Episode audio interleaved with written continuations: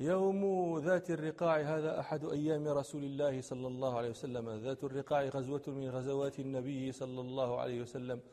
واختلفوا في تاريخها. آه، قال ابن إسحاق وهو إمام أهل السير قال كانت سنة أربع من الهجرة. وقال ابن سعد ولا يقل عنه إمامة في السيرة والتواريخ والغزوات كانت سنة خمس من الهجرة. وقيل كانت سنة ست. والبخاري رحمه الله قال إنها كانت بعد غزوة خيبر. وغزوة خيبر إما كانت آخر سنة ست أو أول سنة سبع. وخالف الناس البخاري رحمه الله في مذهب إليه حتى إن الحافظ الدمياطي رحمه الله غلط البخاري. وزعم أن البخاري خالف سائر أهل المغازي والسير. زعم الدمياطي أن أهل السير أجمعين يرون أن غزوة ذات الرقاع كانت قبل خيبر وإن اختلفوا في تحديد زمنها لكنهم لم يختلفوا أنه أنها كانت قبل خيبر. والبخاري رحمه الله خالفهم جميعا. والحاصل أن ما احتج به البخاري البخاري رحمه الله احتج بأدلة ناهضة على ما ذهب إليه. احتج البخاري بأن أبا موسى الأشعري رضي الله عنه شهد غزوة ذات الرقاع. وإنما جاء أبو موسى الأشعري إلى النبي صلى الله عليه وسلم بعد خيبر. روى البخاري ومسلم في صحيحيهما. عن أبي موسى الأشعري رضي الله عنه قال بلغنا مخرج النبي صلى الله عليه وسلم ونحن باليمن فخرجنا أنا وأخوان لي أنا أصغرهم أحدهما أبو بردة والآخر أبو رهم. فاما قال في بضع وإما قال في ثلاثة وخمسين أو اثنين وخمسين رجلا من قومي. قال فركبنا سفينة فألقتنا سفينتنا إلى النجاشي بالحبشة. قال فوافقنا جعفر بن أبي طالب فأقمنا معه حتى قدمنا جميعا على النبي صلى الله عليه وسلم فوافقناه حين افتتح خيبر. فوافقوه إذ افتتح صلى الله عليه وسلم خيبر وأبو موسى الأشعري حضر ذات الرقاع. معناه أن ذات الرقاع كانت بعد خيبر. استدل البخاري أيضا على أن ذات الرقاع كانت بعد خيبر بأن أبا هريرة حضر ذات الرقاع. وأبو هريرة رضي الله عنه أيضا إنما هاجر إلى النبي صلى الله عليه وسلم ليالي خيبر. واستدل البخاري أيضا على ذلك بأن ابن عمر رضي الله عنهما حضر ذات الرقاع. وابن عمر كان يرد في الغزوات وكان يستصغر فلا يؤذن له في شهودها. وأول مشهد أذن له في شهوده هو غزوة الخندق. والخندق لم يجيء بعدها إلا خيبر. وابن عمر شهد ذات الرقاع. معناه أن ذات الرقاع كانت بعد خيبر. ولهذا قال الحافظ ابن حجر مرجحا مذهب البخاري مخالفا مذهب سائر أهل السير والأولى الاعتماد على ما في الصحيح. واختلفوا في سبب تسمية غزوة ذات الرقاع بهذا الاسم. لماذا سميت ذات الرقاع؟ قالوا لأنهم كانوا فيها يرقعون راياتهم. وقال طائفة بل لأنه في ذلك الموضع كانت فيه كانت فيه كان فيه شجر يقال له ذات الرقاع. وقيل بل لأن الموضع الأرض التي كانوا فيها كانت فيها بقع بقع بيض وبقع حمر كأن الأرض رقعت برقاع مختلفة الألوان فسميت المعركة التي فسميت الغزوة التي كانت في ذلك الموضع غزوة ذات الرقاع.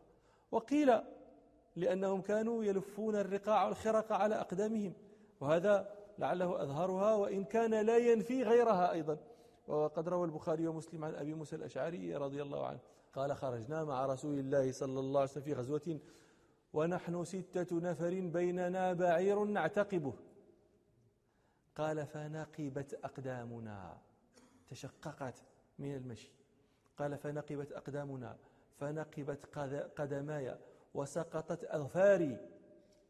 وكنا نلف الخرق على أقدامنا فسميت غزوة ذات الرقاع لما كنا نعصب به أقدامنا من الخرق. وسبب هذه الغزوة فيما يذكرون أن أنه قدم قادم بجلب إلى المدينة. الجلب هو المتاع الذي يجلب إلى السوق ليباع فيها. فقدم قادم بجلب إلى المدينة. فقالوا له من أين جلبك هذا؟ قال جئت به من نجد.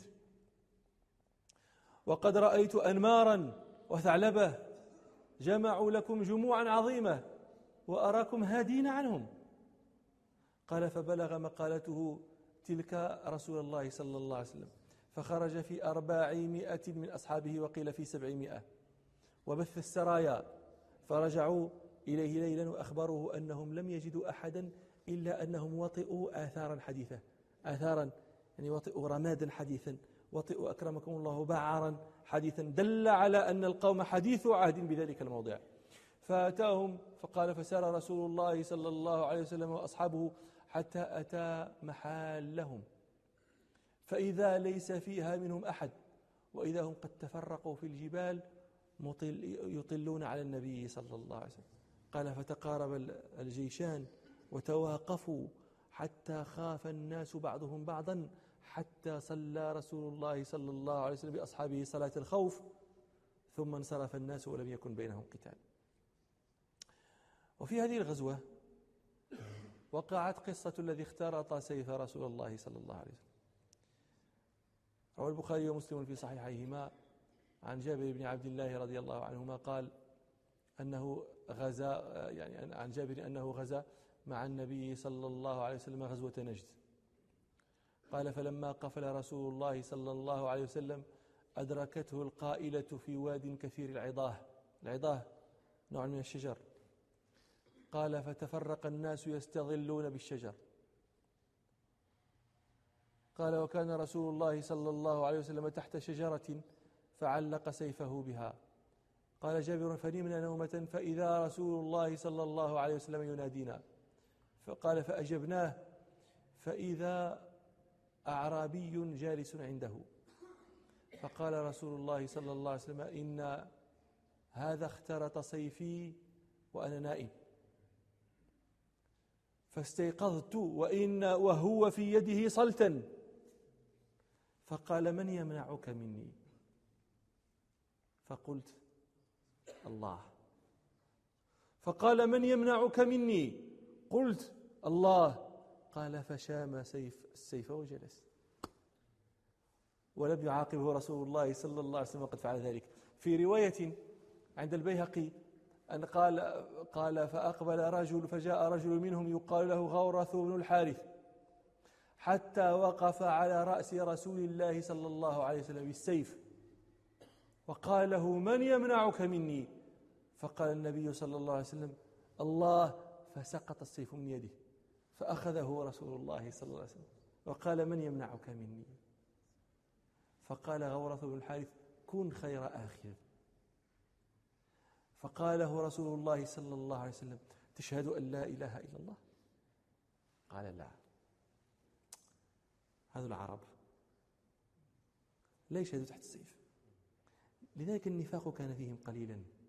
أكثرهم إما كافر محض وإما مؤمن محض.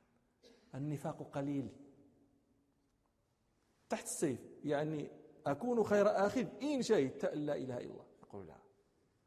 ولكن أعاهدك على أن لا أقاتلك.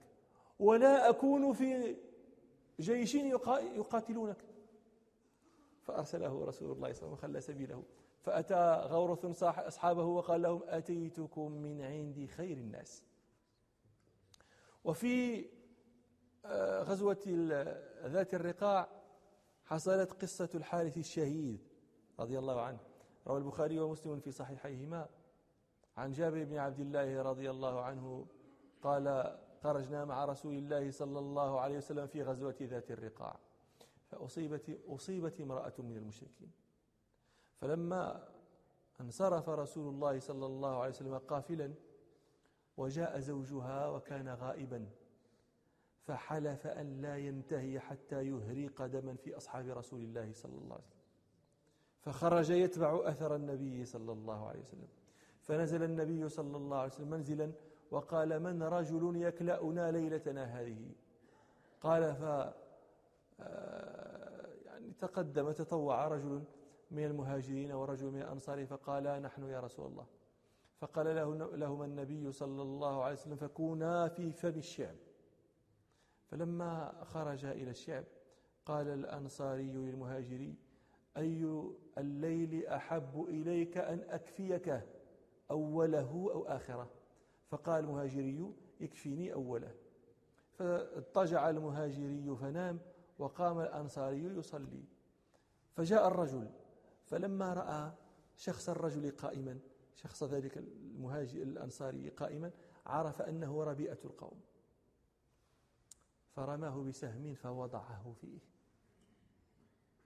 فنزعه فوضعه وثبت قائما. فرماه بسهم آخر فوضعه فيه. فنزعه فوضعه وثبت قائما. ثم عاد له بثالث فوضعه فيه. فنزعه فوضعه فركع ثم أهب صاحبه. وقال له اجلس فقد أوتيت. فوثب صاحبه. فلما رأى الرجل حركتهم عرف أنهم قد نذروا به فهرب.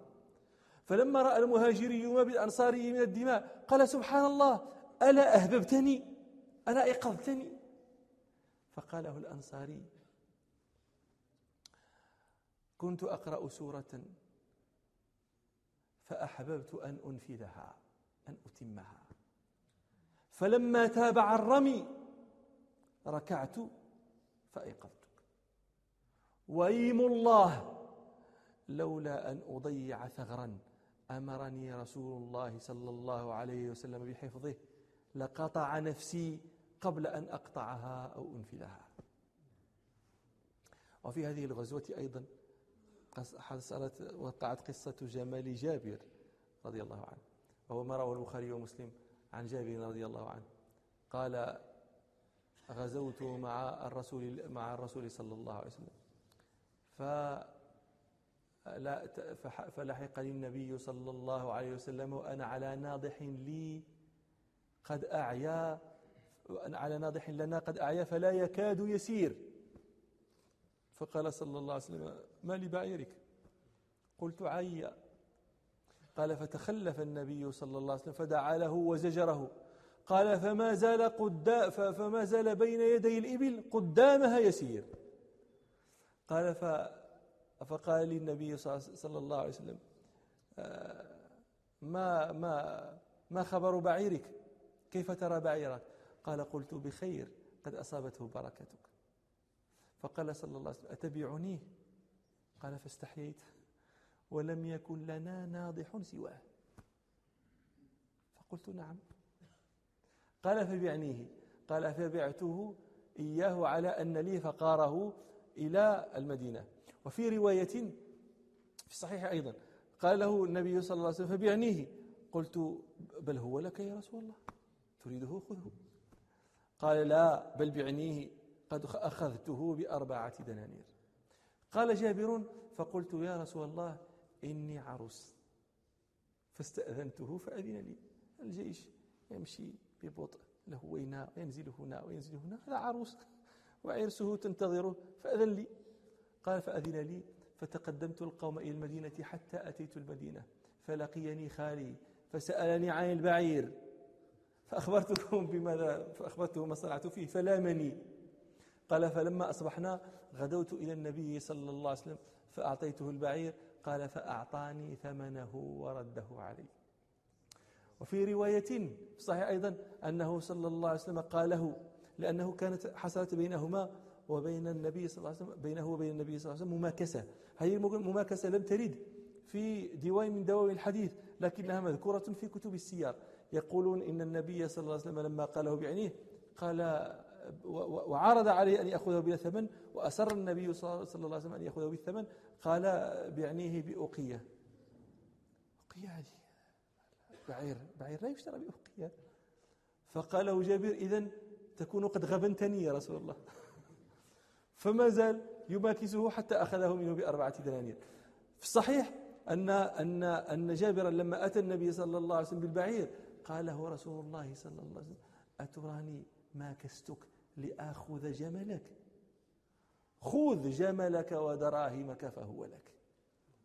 وفي رواية أيضا أنه صلى الله عليه وسلم قال لي قال لجابر قال لبلال يا بلال اقضه وزده. فأعطاه بلال أربعة دنانير وزاده أقية فقال جابر لا تفارقني زيادة رسول الله صلى الله عليه وسلم أبدا. فكانت تلك الأقية لا تفارق. جراب جابر بن عبد الله إلى أن كان زمن الحرة وقعة الحرة التي تحدثنا لكم عنها. ففقدت تلك الأقية في تلك الوقعة نعم.